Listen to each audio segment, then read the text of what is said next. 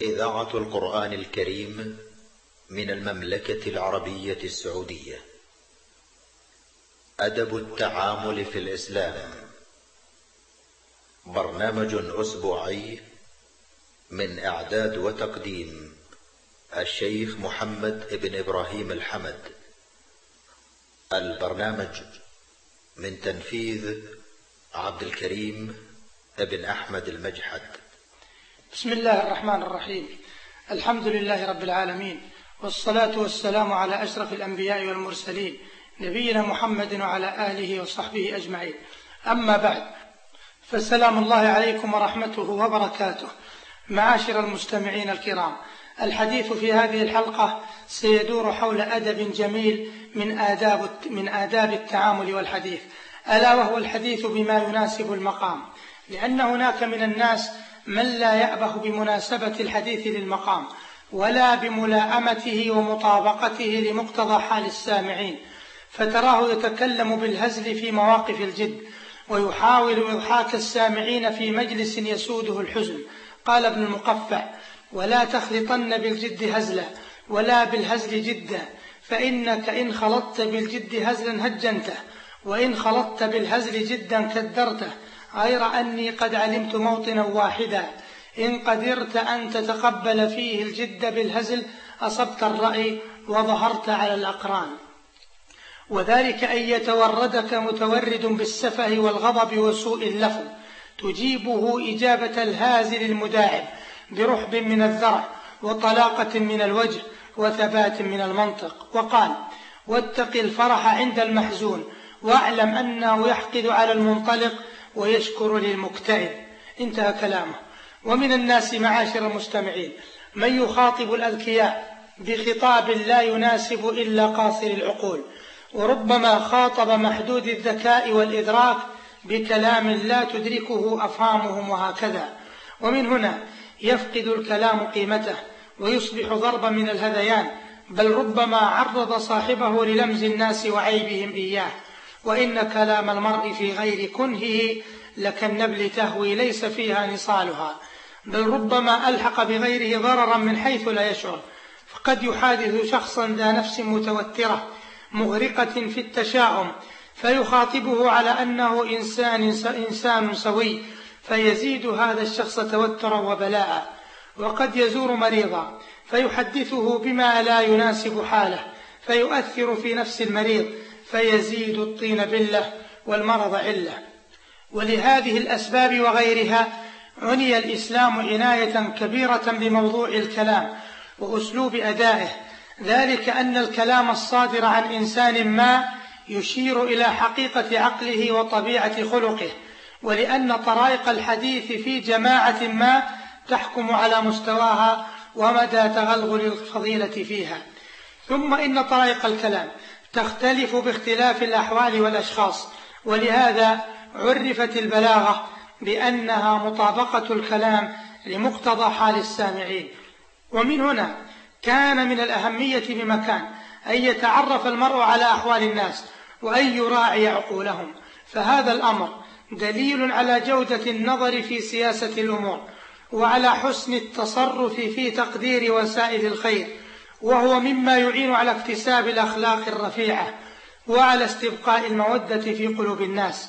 فالرجل العاقل الحكيم الحازم يحكم هذا الأمر وينتفع به عند لقائه بالطبقات المختلفة فتراه يزن عقول من يلاقونه ويحس ما تكن صدورهم وتنزع إليه نفوسهم فيصاحب الناس ويشهد مجالسهم وهو على بصيرة مما وراء ألسنتهم من عقول وسرائر وعواطف.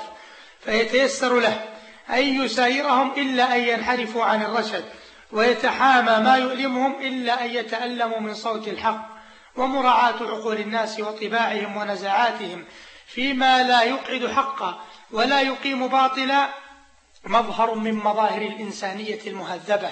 قال أحد الحكماء لا تجالس امرأ بغير طريقته فإنك إذا أردت لقاء الجاهل بالعلم والجافي بالفقه والعيي بالبيان لم تزد على أن تضيع علمك وتؤذي جليسك بحملك عليه ثقل ما لا يعرف وغمك إياه بمثل ما يغتم به الرجل الفصيح في مخالطة الأعجمي الذي لا يفقه عنه.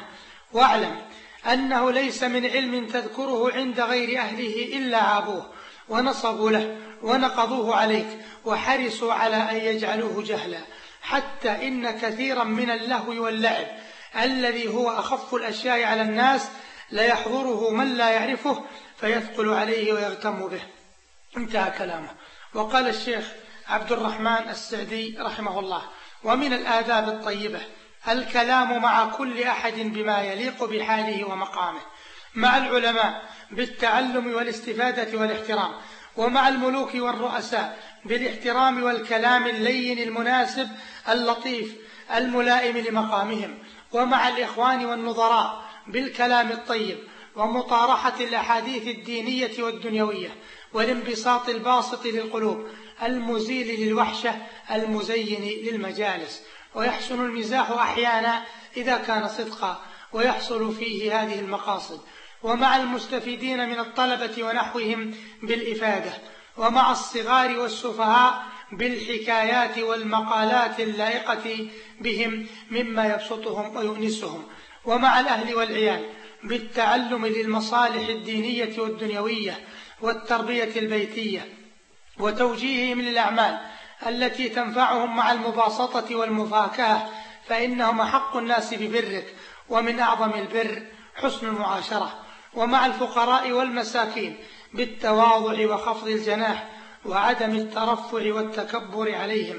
فكم حصل بهذا من خيرات وبركات وكم حصل بضده من شر وفوات خير.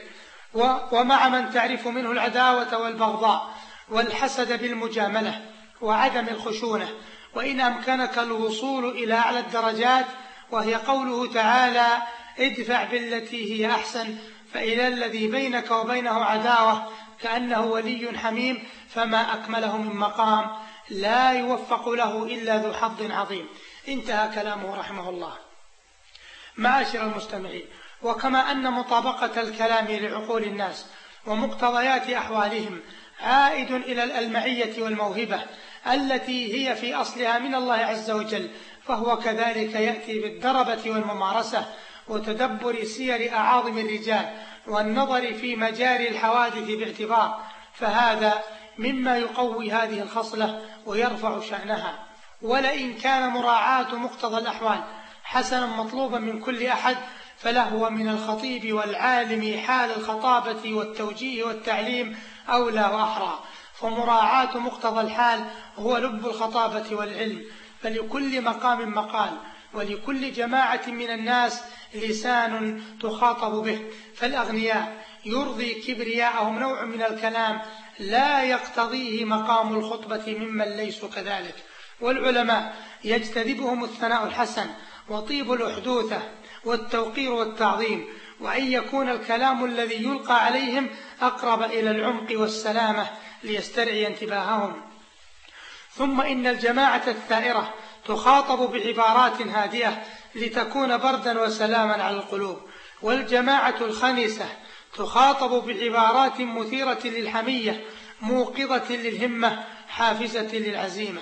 والجماعة التي شطت وركبت رأسها تخاطب بعبارات فيها قوة العزم ونور الحق وفيها إرعادة المنذر ويقظة المنقذ وفيها روح الرحمة وحسن الإيثار. ليجتمع الترهيب مع الترغيب ومع سيف النقمة ريحان الرحمة. لذلك وجب على الخطيب أن يكون قادرا على إدراك حال الجماعة وما تقتضيه تلك الحال والإتيان بالأسلوب الذي يلائمها ليصل إلى مواضع التأثير فيها. معاشر المستمعين ومن الملحوظات في هذا الباب حديث بعض الناس عند من لا يرغبون في حديثه. فتجد من الناس من يبذل نفسه ويتصدر الحديث في المجالس والناس عنه لاهون وله مستثقلون ولحديثه غير راغبين ومع ذلك يستمر في جهله وغيه وهذا لا ينبغي ولا يحسن من ذي المروءة. قال مطرف لا تطعم طعامك من لا يشتهيه. يريد لا تقبل على من لا يقبل عليك بوجهه. وقال أبو عباد ينبغي للمحدث إذا أنكر من السامع أن يستفهمه عن معنى حديثه. فإن وجده قد أخلص له الاستماع أتم له الحديث. وإن كان لاهيا عنه حرمه حسن الاستقبال عليه. ونفع المؤانسة له. وعرفه بسوء الاستماع والتقصير في حق المحدث. وقال نشاط المحدث على قدر فهم السامع. وكان ابن مسعود رضي الله عنه يقول حدث الناس ما حدجوك بأسماعهم ولحظوك بأبصارهم. فإن رأيت منهم فتورا فأمسك. وقال البيحاني رحمه الله وإذا رأيت من جليسك الإعراض عنك أو الاشتغال بأمر آخر فلا تكلمه ولا تكلف الاستماع إليك. وقال أحدهم مبالغا يستوجب الصفع في الدنيا ثمانية لا لوم في واحد منهم إذا صفع. ثم ذكر منهم ومتحف بحديث غير سامعه وداخل في حديث اثنين مندفعا ولا يدخل في ذلك كراهية الفساق والمجرمين لحديث الداعي إلى الله والآمر بالمعروف خصوصا إذا كان حكيما لطيفا فالعيب فيهم وليس العيب فيه.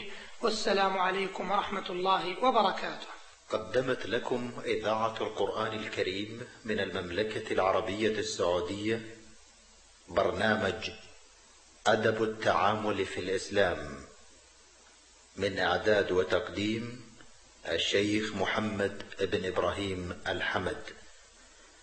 البرنامج من تنفيذ عبد الكريم بن أحمد المجحد.